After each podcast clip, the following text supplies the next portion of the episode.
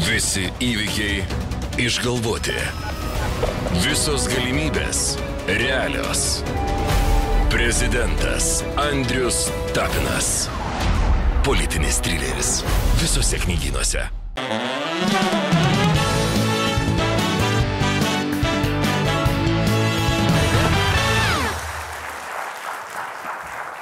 Geros šventės niekada nebūna per daug, sako lietuvių liaudis. Kenčiantis nuo kepenų cirozės turi, aišku, atskirąją nuomonę, bet mes, Laisvės televizija, vis dar švenčiam 100 tūkstančių prenumeratorių ir sveikinimai mums skrieja iš viso žemės rūtulio. Štai, mūsų žiūrovai ir gerbėjai Papua Naujoje Gvinėjoje taip apsidžiaugia, kad jie netgi sukūrė specialų šokį ir sveikinimą skirtą Laisvės televizijai.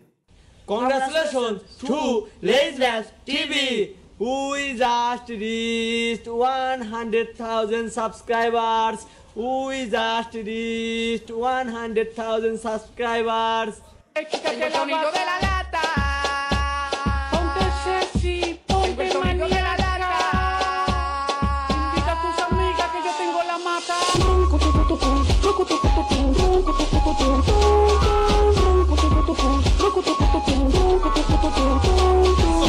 sobritamusic.net. Formulės vienas lenktynininkas, žymusis kolumbietis Juanas Pablo Montoya savo karjeroje laimėjęs septynis Formulės vienas etapus ir vieneriais metais įskaitoje nusileidęs tik Šumacheriui ir Raikonenui, linkėjo mums net leisti gazo ir kuo greičiau pasiekti milijoną prenumeratorių. Hey everybody, uh, this is Juan Montoya. I want to congratulate Andrews and the whole team at Lightvest TV on you know 100,000 subscribers. I think that's pretty awesome. Uh, good luck in the future. Have an amazing time, and and keep going. You know, the next goal probably is gonna be a million. So keep it up. Į Laisvės televizijos pasiekimą atkreipė dėmesį ir valstijų realybės šou žvaigždė ir buvusi prezidento Donaldo Trumpo patarėja Omarosa. Pernai rūpjūtį išleidusi skandalingą knygą apie Baltųjų rūmų užkulisius ir paviešinusi keturis slaptus įrašus pavadintus vienais didžiausių Baltųjų rūmų saugumo fiasko. O aš sakau, laikykitės ten Omarosa, o Omarosa linki sėkmės Laisvės televizijai. Hi there, everyone. It's Omarosa. I wanted to just take a moment and congratulate everyone at Liesvest TV on reaching 100,000 subscribers. Congratulations to your presenter, Andras, and all the team there. And I wish you all good luck. Again, congratulations. Bye bye. Na, o dabar jūs galvojat, kas čia buvo? O kaip čia taip sumontuota? Ne. Čia tikra Omarosa ir Juanas Pablas ir jie tikrai sveikina Laisvės televiziją, o jeigu jie dar būtų Lietuvos piliečiai ir deklaruotų pajamas, jie tikrai paskirtų mums savo 2 procentus pajamų mokesčio. Bet tai galite padaryti jūs. Laidos aprašymė rasite paaiškinimą, kaip tai padaryti, o balandis to paskutinis mėnuo. Balandis. Jau kurį laiką buvęs ne už kalnų, pagaliau oficialiai atkeliavo. Širdyje pavasaris ir šiandien mes filmuojame Kupiškyje, kuris neseniai pateko į patį madingiausią lietuvišką žemėlapį - Timų žemėlapį, nes čia irgi užfiksuotas pirmasis Timų atvejis. Kupiškis One for the Team. Aš vis nesuprantu, kodėl jūs atvažiuoju filmuotis ten, kur ką tik užfiksuoti timai. Na, matyt, ieškau bėdos. Bet toks jau aš žmogus. Vietų su timais greitų metų bus ir daugiau, nes skiepų priešininkai išskėstomis rankomis laukiami ne tik adresus Kvailių skersgatis 66, bet ir adresu Gedimino prospektas 53, kai balandžio 1-ąją jie visai nejuokingai surengė konferenciją Seime. Konferencijoje pasisakė ir būsimasis Lietuvos ir dabartinis uh, Sirijos žvaigždės prezidentas Mindaugas Puidokas. Iš tiesų esu pats e, nekokybiškos skiepo auka. Savikritikos prezidentui nestinga. Žiūri žmogų ir kažkaip net pradedi tikėti. Mindaugui mes siūlom nesustoti ir steigti nekokybiškų skiepų organizaciją arba trumpai NSO.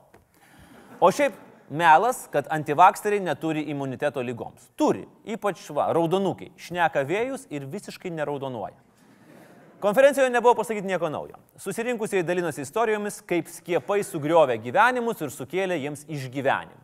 Na, išgyvenimų turbūt tiesioginė prasme, nes be skiepų jie tikrai nebūtų išgyvenę. Su antivakseriais bandžiusi diskutuoti penkto kurso studentė medikė buvo greitai nusodinta. Buvo apeliuota jos jauną amžių ir pateiktas amžinas, nemirtingas ir tuo pačiu mirtinas, tarsi nesiskiepijimas kontrargumentas, kai tu turėsi savo vaikų, tai suprasi. Antivakseriai šituo argumentu matomai užsikirtė nuo Šarūno Jasikevičius. O tu turi vaikų. Tai kaip turėsi vaikų, jaunuolį suprasi. Nes čia yra maksimumas, ką žmogus gali patirti. Wow, geras klausimas tikrai. Bet vis tiek gamta yra keista. Nesiskiepijantis vis tiek turi imunitetą. Pavyzdžiui, šiuo atveju vieninteliam dalykui - mokslui. O šiaip visuomenė ir mokslininkai tikrai galėtų aktyviau ir agresyviau kovoti informacinėme kare su antiskiepininkais, nes dabar, dabar situacija tokia, kad, na, cituojant tą patį Jasikevičių, Mes per, per myžniai esame. Tęsiant apie balandžio pirmąją ir apie žalgį. Vyriausybė tą dieną paėmė, va taip ir pervedė klubui beveik 600 tūkstančių eurų. Na, va kaip skola už ne iki galo išmokėtą premiją už prieš 20 metų laimėtą Eurolygą. Na, jeigu jau vyriausybė dalina premijas už tokio senumo įvykius, nu tai galėtų ir Paksui kažką išrašyti, kad nepardavė mažai naftos. Dar prieš 20 metų Olesegūnas Obasanijo buvo išrinktas Nigerijos prezidentu, tai galbūt nepasveikinom tada, tai gal dabar galėtų nusiųsti atviruką premjeras. Ir čia tikrai yra sutapimas, kad Saulis prieš prezidento rinkimus nori būti labai geras, kam reikia. Ir čia tikrai sutapimas, kad Žalgirio vadovas Paulius Motejūnas taip prašneko medumi, kokie jie visi yra dėkingi vyriausybei ir premjerui užduotą ir įgyvendintą pažadą. Na, kiti kandidatai į prezidentus reaguoja maždaug šitai, cituojant Jasikevičių. Hey, hey, hey!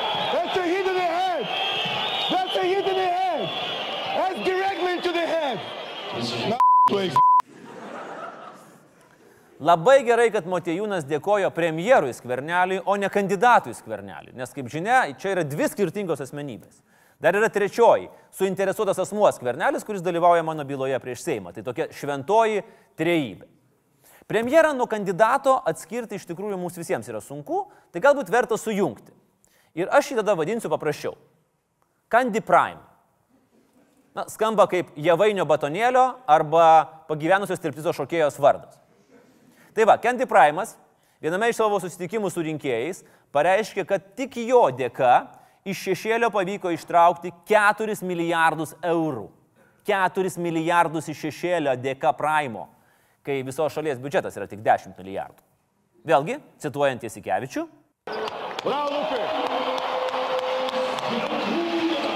4 milijardus. Arba cituojant Lietuvos banko valdytoją Vasiliauską, Tai, o papasakyčiau, čia, čia jau gražu. skamba įspūdingai, bet kelia įtarimų. Ir kai paprašiau pritarėjo Skirmanto paaiškinti, iš kur tokie skaičiai, Skirmantas atsakė, kad Candy Prime'as norėjo pasakyti ne 4 milijardus, o 250 milijonų. Nu, kalbos klaida. Kalbos klaida, ne? Kad Saulis Kvernelis yra šitoje pozicijoje, taip, čia yra klaida, bet, nu, ne kalbos. Vėlgi, cituojant, nu, patys jau žinot ką, Aš nesuprantu, bl. Eik tu. Bet pasaulio ir Lietuvos istorijoje yra daug kalbos klaidų. Na pavyzdžiui, dešimt dienų po vertimo klaidos Junktinės valstijos numetė brandolinės bombas ant Hirošimos ir Nagasakio, nes Japonijos premjero atsakymas į sąjungininkų ultimatumą vietoj kol kas susilaikysiu nuo komentarų buvo išverstas mes kategoriškai atmetam jūsų ultimatumą. Kai Mažvidas leido pirmą savo knygą apie matematiką ir parašė imkit mane ir skaičiuokit, mokesčių inspekcija taip nutrešė vargšelį, kad jis buvo priverstas net į karaliaučių bėgti. Va čia yra klaida. Kai Lenkai pasiūlė lietuviams sudaryti Liublino uniją, tai čia irgi buvo kalbos klaida, nes lietuviai galvojo, kad Lenkai siūlo kredito bendrovę bendrą steigti ir viskas. Kitas kandidatas - Gitanas Nausėda. Užlėkė norėdamas pamandravot truputį ir pasigirt, kad jam patarinės populiarus politologas Linas Kojala ir kariuomenės vadas Jonas Žukas. Abu ponai pasukiojo pirštų prie smilkinio ir pasakė, Gitanai, o, nekliedėk, o, nes jie nei nori, nei kariuomenės vado atveju gali dalyvauti politikoje. Na, čia yra tas pats, kas aš dabar pasigirčiau. O pas mane į gimtadienį Beyoncé atvažiuos. Ir Michaelas Jordanas. Ir nesvarbu, kad aš jų dar nei kviečiau, nei klausiau, o jie nei galės, nei norės atvažiuoti, nes aš neturiu tiek babkių. Nu, geriausiu atveju Omarosas su Montoja prilėks. Bet pasigirt galim. Užsienio naujienos. Bulgakovas buvo neteisus, rankraščiai dega. Praėjusį savaitgalį viename Lenkijos mieste kunigai surengė knygų deginimo akciją. Tarp jų buvo ir knygos apie Harry Potterį. Labai teisingai, knygų deginimas visada yra gera išeitis, ypač apie Harry Potterį ir visi tie Potterių serialai. Bet klausimas, ar kunigams tikrai yra viskas ok deginti knygas apie poterius? Ir kodėl kunigai taip mėgsta laužus? Anksčiau inkvizicija, dabar knygos. Nu, Pranciškau, atimkite degtukus, kol dar daržinės nepadegėlė. Į fantastiką užnešė ir Gabrielių Landsbergį, kuris rimtą politinį komentarą Delfyje apie populizmą Europoje pradėjo taip. Jeigu jums nepatinka mokslinė fantastika, tada turi patikti žydų valdovas. Jeigu nepatinka ir tai, tada turi patikti Tapino šukosina, kuri yra iš to paties ciklo. Ta prasme, Gabrieliau. Ta prasme. Tu gali sakyti apie mane, ką nori. Bet kritikuot plaukus. Čia jau peržengiai raudoną liniją.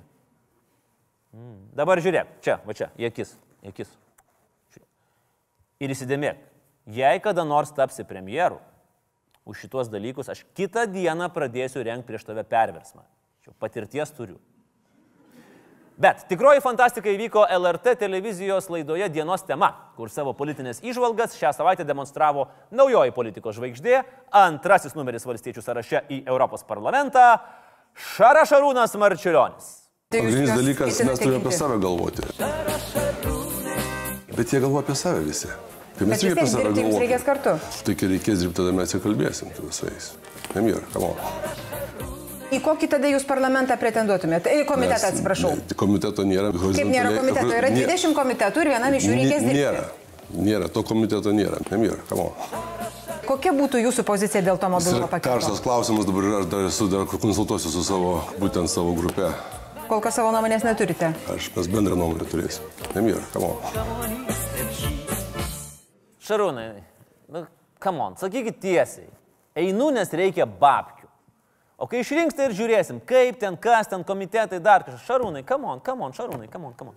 Bet linkim Šarūnui sėkmės ir peršokom į mūsų laikinąją rubriką, o tuo metu Briuselėje.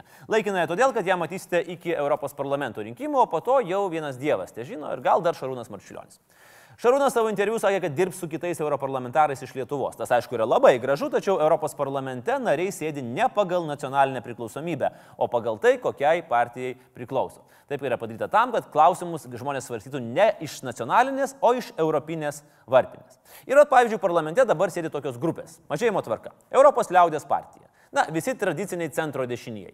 Jeigu Europarlamentą įsivaizduotumėm kaip orkestrą, na, tai styginiai su pučiamaisiais, kurie groja kažką per vidurį tarp klasikinio valso ir duokim garų. Ausies nerėžia, bet visą naktį pagal tokią muziką nepareidins. Tada yra progresyvusių socialistų ir demokratų alijansas. Na, klasikiniai socdemai. Žanras toks geras, solidus europopsas. Na, ten, aha, take on me ir taip toliau. Tada yra Europos konservatorių ir reformistų grupė. Britų konservai ir Lenkų pis. Hebra euroskeptiška ir grabe matė tą ES su visais parlamentais. Todėl groja Britpopą, bet dainuoja lenkiškai. Nu, įsivaizduokit. Dar mažiau narių turi ALDE, tai yra liberalų ir demokratų alijansas už Europą, liberalai, kurie mėgsta džiazuoti, ne visada pataiko į NATO, na, bet džiaze pasitaiko. Tada yra gana susiskaldę kairieji ir žalieji. Iš pradžių yra grupė, kur pražilsi, kol sugromuluosi jų pavadinimą. Europos jungtiniai kairieji ir šiaurės žalieji kairieji. Jie groja tokią raminančią banginių muziką, bet jų banginiai labiau ne žalieji, o raudoni. Grinai žalieji dainuoja žaliųjų ir Europos laisvės alijansų. Nu, šitie natūraliai žaliai. Ir dar mažesnė yra laisvės ir tiesioginės demokratijos Europa. Kadangi jos lyderis yra Nigelas Faražas, tai šitie, jeigu galėtų, tai žemėlapį perplaišytų taip, kad Europos nebūtų iš viso. Na, įsivaizduokit, tokie bitlai, bet labai pikti, labai susenę ir su dūdmaišiais. Na, kaip ir jų kolegos tautų ir laisvės Europai, kur sėdi pati Marie Le Pen ir Marcelis de Grafas iš Olandijos. Tai čia maršai, nacionalistai, deglai ir barabanai. Ir mažutė 18 parlamentarų yra neprisijungusių grupė, kur čia bėdžiai visi, kur nepritapo prie didesnės grupės. Tai čia sėdi ir komunistai, ir nacijai, tai jiems susigroti iš to neišeina, nes kokį instrumentą į rankas be paims, jie iš karto viską sulaužo. Tai va, žiūrėkit, kiek pasirinkimo turės Šarūnas Marčiulionis, kai išsikraustys žaisti atakuojančių gynėjų už valstiečius į Briuselį. O beje, pirmasis valstiečių trejetas, tai yra e, Marčiulionis, Kontrimas ir Ropė, pačių valstiečių reklamoje taip ir yra vadinamas. Du valstiečiai ir Ropė. Na, o paties vis dėlto legendinio krepšininko interviu pelno tik sidabrą, laikykitės ten rubrikoje Ajop, koks interviu. Pirmoji vieta šią savaitę pelnytai priklauso nuostabiam Delfi portalui, pateikusiam skaitytojui išskirtinį interviu su Erdvile. Su kuo paklausit? Su Erdvile. Išgarsėjusi kaip Šriodingerio katinas. Na, šiuo atveju labiau Šedžiaus katinas, nes nei ji pati, nei Šedžius nežino, ar jie pora, ar tik daugiau negu draugai. Kas tas šešius paklausit? Ei, come on. Laisvės TV auditorija. Nu baigit smartesint. Išeikit iš savo burbulo. Pažiūrėkit, ko tikroji Lietuva kvepuoja. Erdvilės interviu tapo skaitomiausia, labiausiai komentuojama pusantro tūkstančio komentarų ir labiausiai pasidalinta 2200 šerų Delfi naujiena. Iš to interviu mes sužinojome, kad Erdvilė dirbo Airijos mėsos fabrike, neturi nei vieno hobio, su šešiam susipažino, kai jis Facebook'e palaikino visas jas nuotraukas, kad haladas, su kuriuo jį pozavo Instagram'e, nebuvo buvusios šešios žmonos Monikos, kad viešindama nuotraukas išslėpdavo šešios veidą, kad jie gulėjo lovoje ir šešios paklausė, ar jį bus jo mergina, ir jie aišku sutiko, kad jeigu būtų su šešiom dėl pinigų, tai jau seniai būtų parašęs apie sandaras, o pastaruoju metu su jo apie ramybę, kuris aišku nebus. Kiek iš tų faktų yra fake news? Nei vieno. Visas interviu yra auksas. O dabar jeigu rimtai, man darosi šiek tiek neramu, kiek jaunų mergaičių ir merginų, perskaičiusios šitą aukso gabalą, pamanys, wow, va čia tai kietai. Moteriai nereikia nuotis išsilavinimo, profesijos, karjeros, skaityti knygų, turėti hobių, savivertę. Ne, pakanka susirasti turtingą pagyvenusi bičią, kuris net nepripažįsta, kad tu jį susiradai ir fotkintis įsisupus į jo buvusios halatą ir ačiū Delfi už šią edukacijos valandėlį. Neką mažiau dėmesio sulaukė ir buvusios Seimo narės Teišerskytės MG Baltic bylos apklausoje prisiminimas, kaip jį gavo Arvido Sabonio laišką prašantį atsiimti greitųjų kreditų bendrovės ribojantį įstatymą. Pasak Teišerskytės, jeigu jau Sabonis, antras Kristus Lietuvoje, čia citata, užstojo greitukus, tai čia jau cinizmo viršūnė. Tikrai taip. Greitukus gina, o į pats greitą paulimą Sabonis niekada nesiverždavo. Kredito ėmimas turi būti kaip krepšinio derinukas - apgalvotas, paruoštas ir be jokių ten improvizacijų. Atlikus švietimo ministerijai pavaldžių įstaigų auditą šią savaitę paaiškėjo baisių dalykų. Kad dalį pirkimų laimė jų pačių darbuotojai, įsigijimai neefektyvūs, o kai kur tvyra didžiulis nepotizmo lygis, kai tarnybinė padėtis naudojama giminėms proteguoti. Pavyzdžiui, paaiškėjo, kad nacionalinėme egzaminų centre beveik trečdalis darbuotojų yra susiję giminystės ryšiais. Aš čia siūlau matyti ir pozityvą. Nacionaliniame egzaminų centre turėtų būti labai reti tarnybiniai romanai. Nes nuo visi giminės. Šį auditą užsakė ir apie jį prabilo ministras Rokas Masiulis. Premjeras Kvernelis iš karto liepia Masiuliui nelysti nei savo reikalus, nes viskas ten yra gerai. Yra naujas švietimo ministras ir viskas ok. Skverneliui vėl atrodo, kad su mokytais pas mus viskas gerai. Sauliau, pažiūrėkit man į akis. Vėl. Mes jau kartu su jumis per tai perėjom. Nėra su mokytais viskas gerai. O Ukrainoje įvyko pirmasis prezidento rinkimų turas. Dalyvavo 39 kandidatai, rinkimų biuletenis buvo 80 cm ilgio. Nežinau, kiek iš tų kandidatų buvo savame prote, bet faktas, kad visi jie buvo ant biuletenio. Į antrąjį rinkimų turą pateko dabartinis prezidentas Petro Porošenka ir dvigubai jį lenkintis rinkimų lyderis, komikas ir aktorius Vladimiras Zelenskis, kuris šalyje ypač išpopuliarėjo seriale Atliktų koks sutapimas šalies prezidento vaidmenį. Įdomus ir niekur nenaudotas metodas savo politinės ambicijas užsiauginti serialo pagalba, ar ne? Zelenskis pasielgė dar kečiau. Trečiasis serialo sezonas pasirodė tiesiog rinkimų kampanijos metu ir joje jau buvo kalbama apie kitą korumpuotą prezidentą. Na, reikia pripažinti, kad nėra skanu, kai nei politinės patirties, nei atsakomybės neturintys avantūristai naudojasi televizijomis, interneto kanalais ar kitokiais neurolingvistinio programavimo metodais, mėgindami padaryti įtaką balsuotojams. Bet Zelenskis yra nepieščias. Porošenka pavadino į klaunų, prorusišką oligarcho Kolomoiskio marionete, vengiančią debatų. Zelenskis jam atsakė, išėjęs į olimpinį Kijevo stadioną. Чекаю на вас тут, на НСК Олімпійський. Дебати відбудуться перед народом України. Усі канали мають право транслювати дебати наживо. Jis metė iššūkį Porošenkai pasiūlęs debatus stadione. Porošenka neužtruko atsakyti. Jis priminė Zelenskijui, kas tai yra prezidentiniai debatai, kokios yra taisyklės, bet finale pasakė. Але стадіон так стадіон. Я чекаю на вас, Володимир Олександрович. Nu, kietai, kietai, negali sakyti. Vienas alfa raunosi ant kito alfos ir to, o, o, na, čia Ukraina. Įsivaizduojat, pavyzdžiui, Lietuvoje. Šimonytė metančią tokią pirštinę skvernelį. Susitiksime stadione premjerę. Neįsivaizduojat. Mesgi stadiono neturim. Savaitės nereikia taip daryti. Rubrikoje vėl policija. Dievaži, mes tikrai neužsisėdom ant mūsų pareigūnų, bet nu, jūs paklausykit patys ir įvertinkit. Balandžio pirmą dieną Šiaulių policija nusprendė, kad šventė negali praeiti veltui, todėl nusprendė pajaukauti. Informavo visuomenę apie neegzistuojantį įvykį. Atseit nuo policijos bandė bėgti sukčiavimu įtariamas vyriškis, išdaužė komisariato langą, iššoko, nepabėgo, nesusilaužė abi rankas ir dabar guli ligoninė. Va koks geras baijas. Žiauriai jokinga ir labai neįtikėtina istorija - klasikinis balandžio pirmosios juokelis. Na, aš galiu tik pasakyti, kad Molotkovas tikram gyvenime daug daugiau turėjo fantazijos negu Šiaulių policija. Tačiau juokelį pranoko reali nelaiminga istorija šią savaitę. Vilnius pakrašty BMW vakare partrenkė ne per perėją ėjusi meškeriotoją. Iš žvejybos vakaras ne per perėją. Trys užuominos ir klausimas, kiek promilių turėjo meškeriotojas? Teisingai, 2,18. O atvykus pagalbai, meškeriotojas dėjo laikykitės ten prizo vertą frazę. Kur skauda, paklausė medikė. Širdyje. Dušė skauda, sakė jis.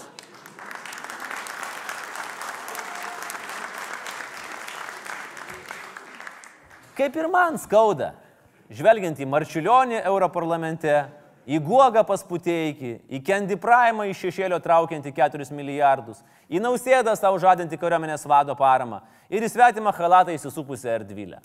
Skauda dušę. Ir kartais atrodo, kad geriau jau kartais gal mane BMW partrenktų. Na, o dabar pagrindinė savaitės tema - dviguba pilietybė ir artėjantis referendumas. Pirmiausia, reikia pabrėžti, kad referendumas dėl dvigubos pilietybės nesprendžia, ar Lietuvoje bus įteisinta dviguba pilietybė. Ji jau egzistuoja. Mes balsuosim dėl jos praplėtimo ir leidimo išsaugoti. Išvykusiems iš Lietuvos po 90-ųjų. Bet tam reikia pakeisti konstituciją. Tai čia du momentai. Pirmas. Mūsų valdžia, tempusi gumą iki paskutinio mėnesio, pagaliau atsibudo, paleido info kampaniją ir tikisi per mėnesį mobilizuoti mūsų naciją, pasisakyti dėl pilietybės. Antras, nacija nifiga nesupranta, ką šitas dalykas reiškia, kokia nauda ir kur šuo pakastas. Ir kuo mes mažiau suprantam, tuo turim griežtesnės nuomonės už ir prieš. Na kaip ir kiekvienu klausimu. Visada yra dvi nuomonės. Na gerai, nu, gal ne kiekviena.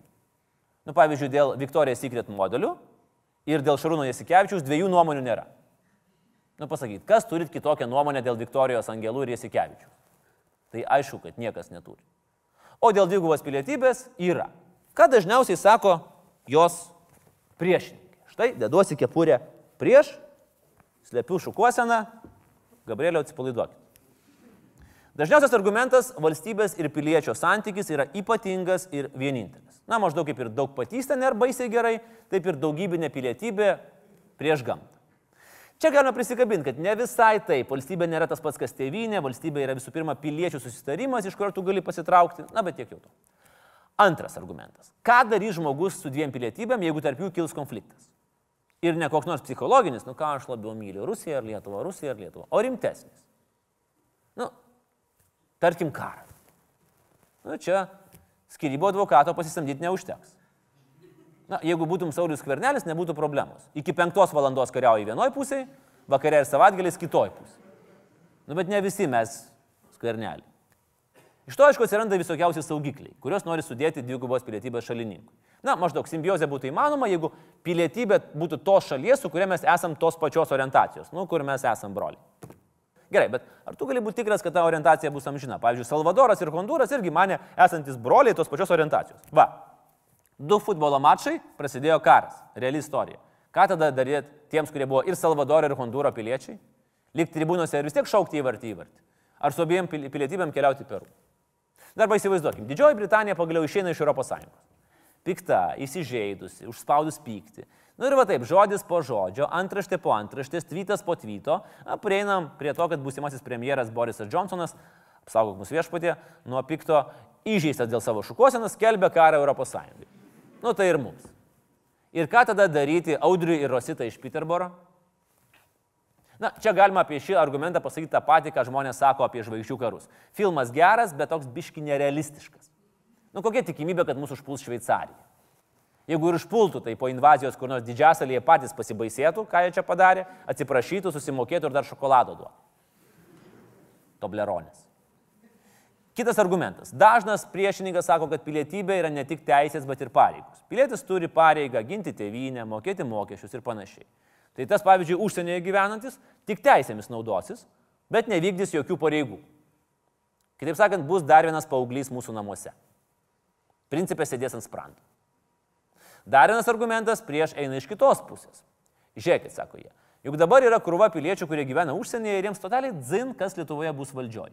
Ne jiems įdomu, ne jie rinkimuose dalyvauja, tik tai į Facebook ateina palot.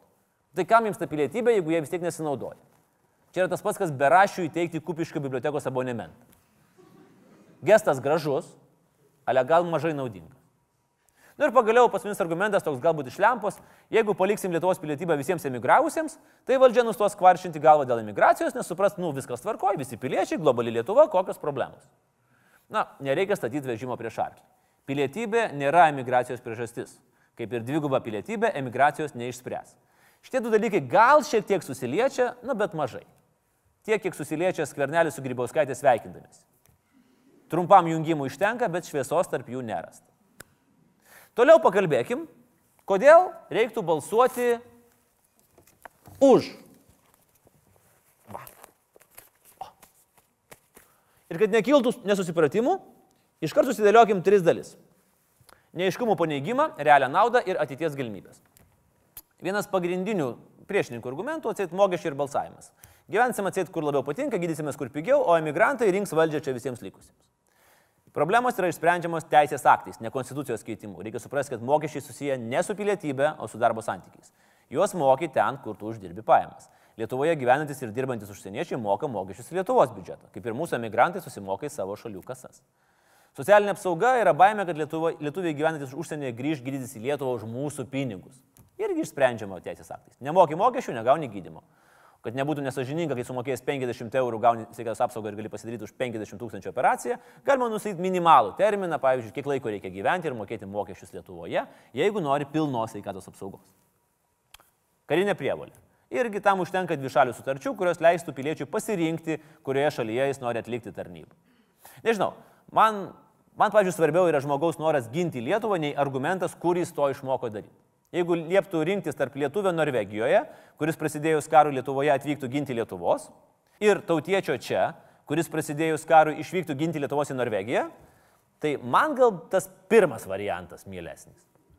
ES net 22 šalis pripažįsta vienaip ar kitaip e, dvigubą pilietybę ir tik penkios draudžia. Tad balsuodami už mes nedarome nieko drastiško. Mes tiesiog prisitaikom prie pasaulinių tendencijų ir realybės. Jeigu pastebėjote, aš kol kas nepateikiau ne vieno argumento už dvigubą pilietybę. Kol kas tik tai neigiau argumentus prieš. Na, o čia yra ta dalis, kodėl pilietybės šalininkai nori, kad jūs referendume balsuotumėt už. Pagrindinis argumentas yra mūsų ryšio išlaikymas su išvykusiais piliečiais. Ir tai yra ypač aktualu Britanijai paliekant ES, kai didžiuliai masiai lietuvių gali tekti rinktis tarp šalies, kurioje gimėjai ir šalies, kurioje gyveni. Paprastai kalbant, galbūt nuo mūsų gali priklausyti, ar emigrantų sunus bus pavadintas Stevenu ar Steponu, Maiklu ar Mykolu, Kevinu ar Skausmantu. Ir jeigu atimsim iš jų galimybę pasilikti Lietuvos pilietybę, mes jos galim prarasti visiems laikams. O tai yra reikšminga Lietuvos dalis. Šiuo metu karalystėje oficialiai gyvena 23 tūkstančiai lietuvių. Nu taip, žinoma, 23 tūkstančiai. Aha. Normalus skaičius siekia maždaug iki 300 tūkstančių. Šitas realių ir garsiai pasakomų skaičių netitikimas matematikoje yra vadinamas kvernelio paradoksu. Didžioji dalis išeivių nori išsaugoti Lietuvos pilietybę, nes jiems tai yra svarbu. Išsirinkti vieną pilietybę ir atsisakyti kitos yra sunkiau negu pasirinkti Androidas ar iOS sistemą. Vienas praktiškesnis, kitas širdžiai mėlesnis. Ir aš suprantu, kad tai yra emocinis, o ne loginis argumentas, bet jokie įstatymai neprivers mylėti Lietuvos, bet jie gali atbaidyti. Na ir taip pat emigrantai galbūt nori išsaugoti galimybę savo vaikams. Steponui, Mykolui, Kevinui. Taip, Kevinui, nes skausmantas. Kamon, koks dar skausmantas? suteikti Lietuvos pilietybę. Bei leistų lengviau grįžti į Lietuvą. Čia mokytis, pirkti ir kurti namus, leisti vaikus į darželius kaip pilnaverčių piliečių, o ne irtis per biurokratijos mašiną, pildant krūvas prašymų, lyg tu būtum visiškai svetimas savo šaly. Paprastai kalbant, mes turime padaryti viską, viską, viską, viską, viską, absoliučiai viską, kad apsaugotume žmonės nuo būtinybės eiti Lietuvoje į migracijos departamentą. Jeigu nesuprantat, kaip tai yra blogai eiti į migracijos departamentą, tai įsivaizduokit, kad eiti yra tam tikra prasme polisinė all-inclusive kelionė, palyginus su ėjimu į migracijos departamentą. Ir vien dėl to verta balsuoti už.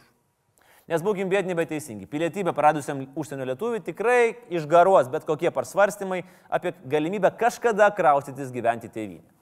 O jūs nusteptumėt sužinoję, kiek daug tautiečių Didžiojoje Britanijoje, Norvegijoje, Ispanijoje ir netgi Amerikoje, ko ne kasdien apie tai masto, nes namų šauksmas yra stiprus.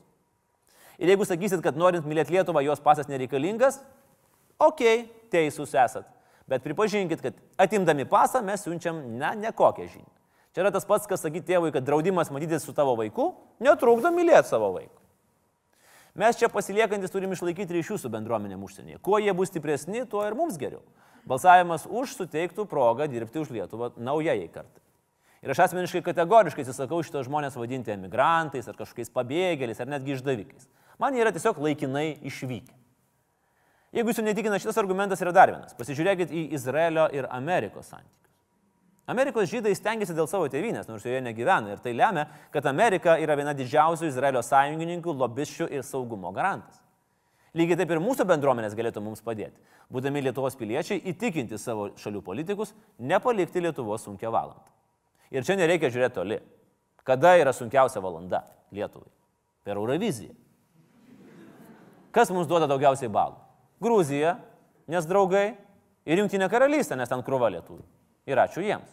Na, šiemet dar Latvijai daug duos po Laisvės televizijos kreipimosi, tai galite nedėkoti jų. Noriu, kad suprastumėt, balsas už dvigubą pilietybę yra investicija į ateitį. Niekas negali garantuoti, kad tai atsipirks, bet nepabandyt būtų kvaila. Problemas, kurias sukels pakeitimai, galima išspręsti protingais įstatymais. Nu, protingais įstatymais. O graža gali būti milžiniška. Dabar belieka apsispręsti. Galų gale, dviguba pilietybė galima ir dabar, tik gali ją turėti tikrai ne kiekvienas, yra suteikiama tik išimties tvarka. Bet daugeliu priešininkų baimių jau seniai yra sudarytos sąlygos. Pavyzdžiui, pagal įstatymą dvigubą pilietybę gali turėti iš Lietuvos iki 90-ųjų kovo išvykę arba ištremti asmenys ir jų palikuonys. Tai va, tai reiktų susimastyti tiems, kas nerimauja, kad įvedus dvigubą pilietybę, viena didelė kaiminė čia prištampo savo piliečių, o tada ateis jų ginti. Na, tokia galimybė teoriškai egzistuoja jau seniai, nes nepaslaptis, kad iki nepriklausomybės atkūrimo nemažai tautiečių savo arba ne savo norų išvyko į rytus. Dar Išimtis leidžia turėti dvigubą pilietybę, jeigu kūdikis dvi pilietybės įgyjo gimdamas, jeigu kitos valstybės pilietybę turintis nepilnametis yra įvaikinamas lietuvių arba priešingai, ir dar pilietybę išsaugo žmogus, kuris kitos valstybės piliečių tapo automatiškai na, dėl santokos su užsieniečiu. Tai vadinama ipso factum. Tai va, kai kuriuose šalise tu automatiškai gauni sutoktinio pilietybę. O kai kuriuose šalise tik halatą buvusios žmonos. Smagiausia tie atvejai, kai pilietybę išimties tvarka suteikia prezidentas. Na, yra gerųjų pavyzdžių. Pavyzdžiui, Adamkus 7 metais suteikė pilietybę legendiniam Jonui Mekui. Pernai Dalia Grybauskaitė pilietybę už nuopelnus Lietuvai suteikė švedų režisieriui Jonui Omanui. Jis yra išvertęs iš švedų kalbą septynias lietuvių autorių knygas ir sukūręs ne vieną filmą mūsų šalies istorijos temomis. Buvusiam biržų merui Valkiūnui turėtų sprogti galva - švedas Lietuvos pilietis. Nesąmonė. Bet buvo ir netokių sėkmingų pavyzdžių. Dvigubos pilietybės dažnas reiškinys sporte. Per jas naturalizuojam legionierius, stiprinam savo rinktinės. Na, turbūt gal ir neblogai, kad tokia konservatyvi tvarka Lietuvoje tam įsikeroti neleido. 2001-aisiais prašymą Adamkui gauti pilietybę įteikė tuometis Vilniaus Lietuvos ryto legionierius iš Amerikos Erikas Eliotas. Jis taikėsi į šalies rinktinės įžaidėjo poziciją, bet prezidento palaiminimo negavo. Na, matyt, Adamkus numatė, kad vis tiek geriausiai žaidėjai bus Jasikevičius ir Kalnietis. Amerikietis nenuliūdo, išvyko žaisti į Lenkiją ir po kurio laiko gavo mūsų kaiminės pilietybę ir vietą rinktinėje. Na, galbūt iš tikrųjų jis iš anksto planavo tapti tikrų abiejų tautų Respublikos piliečių, Žespos politus. Dar viena sportininkė siekusi Lietuvos pilietybės, prisiminkim, taip, dailiojo čiūžimo atstovė Izabela Tobijas. Amerikoje gimusi čiuožėja Lietuvos pilietybės norėjo, kad su Deividu Stagniūnu galėtų atstovauti Lietuvai Sočio olimpiadui. Dėrybos truko trejus metus. Visi politikai sakė, darom, darom, darom, darom, kol galiausiai Grybauskaitė pasidavė ir Tobijas tapo Lietuvaitė. Neilgam. Nes dar tam pačiam Sočijoje jie netikėtai aplankė jausmai Rusijos čiuožėjų Iliet Kačenkai. Ir ant ledo palikusi ir Stagniūną, ir visą Lietuvą, jį ėmė treniruoti su naujoju partneriu ir jų tandemas nusprendė atstovauti Izraeliui. Nes matyt, prieimus Lietuvos pilietybę, Izabela labiausiai susitapatino su Litvakais. Seimo narys Julius Sabatauskas tada šovė legendinę frazę, kad jis, žilo plauko žmogus, dar kartą įsitikino, kad jaunų mergaičių ašaromis tikėti negalim. O, Juliau, Juliau, come on. Tu šitą šedžių pakartok. Jūs ten beveik bendrapartiečiai kažkaip.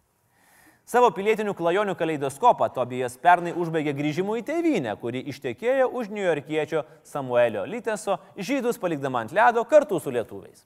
Ir tik tada mes visi supratom, kad Izabela ir buvo tikra čempionė.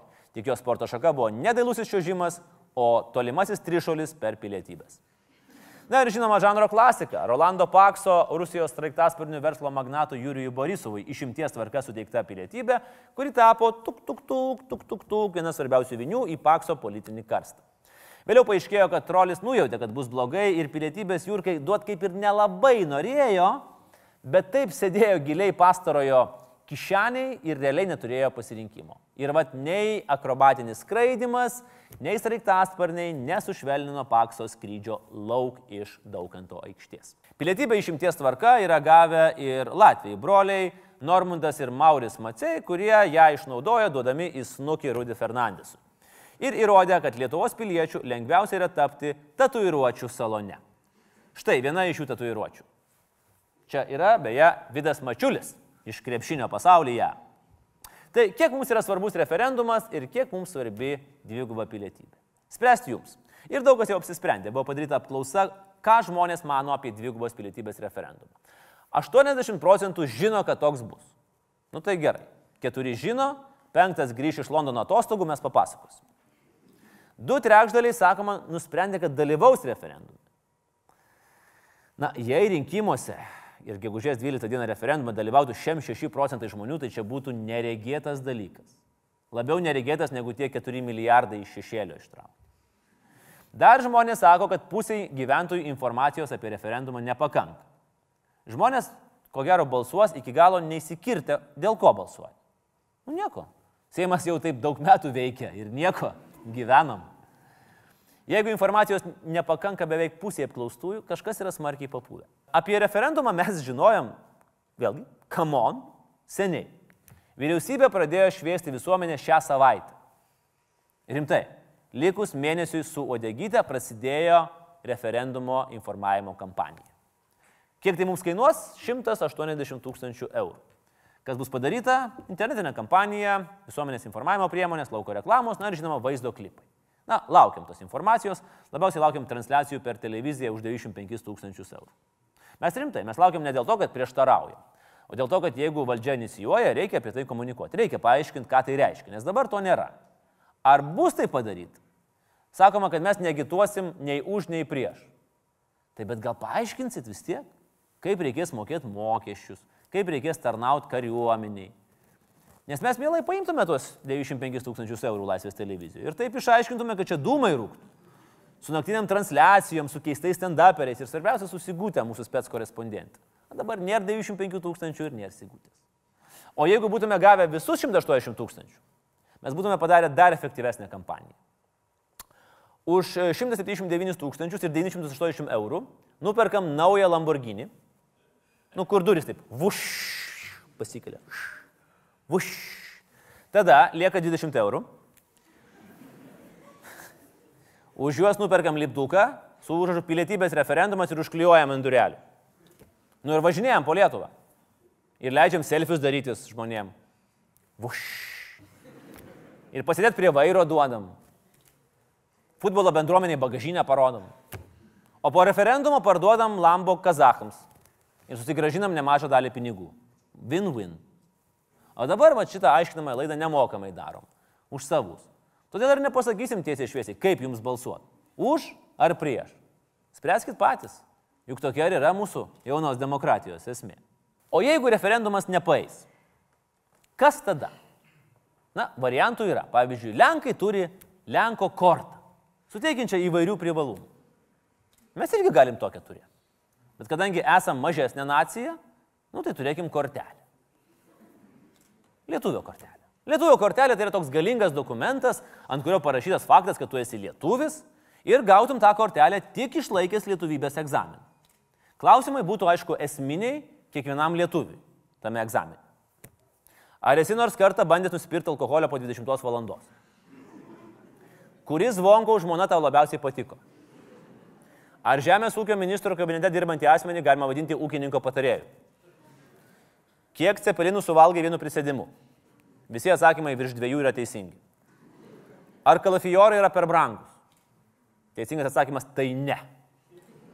Ar geriausias Eurolygos treneris Jasikevičius yra geriausias Eurolygos treneris? Ir atsakai tuos klausimus, visus teisingai, ir tada lietuvis gauna, ponės ir ponai, pristatau, tikro lietuvio kortelę.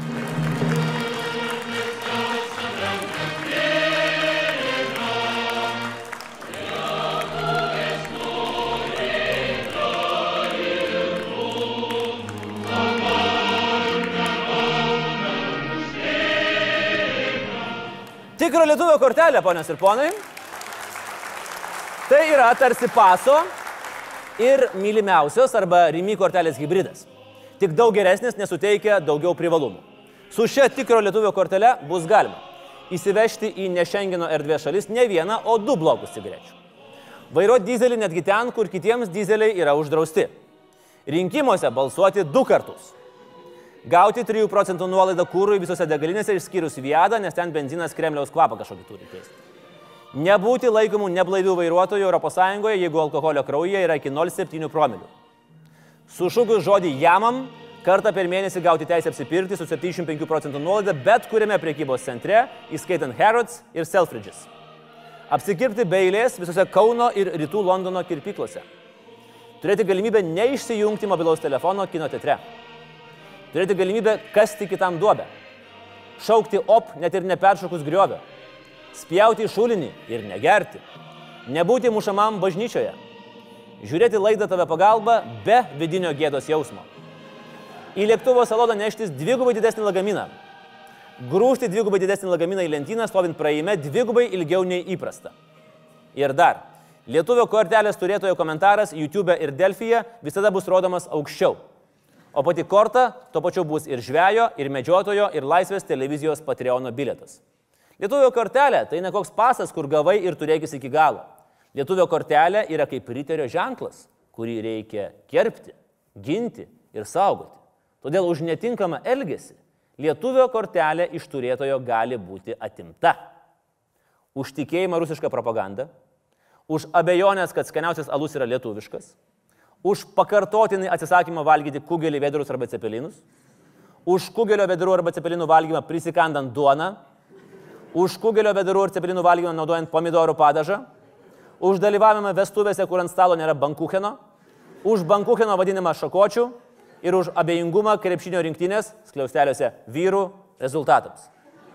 Pilieti, nestatyk gyvenimo ant kortos, statyk jį ant lietuvio kortelės. Ieškokite visose spaudos kioskose ir priekybos centruose nuo 2019 gegužės. Ačiū.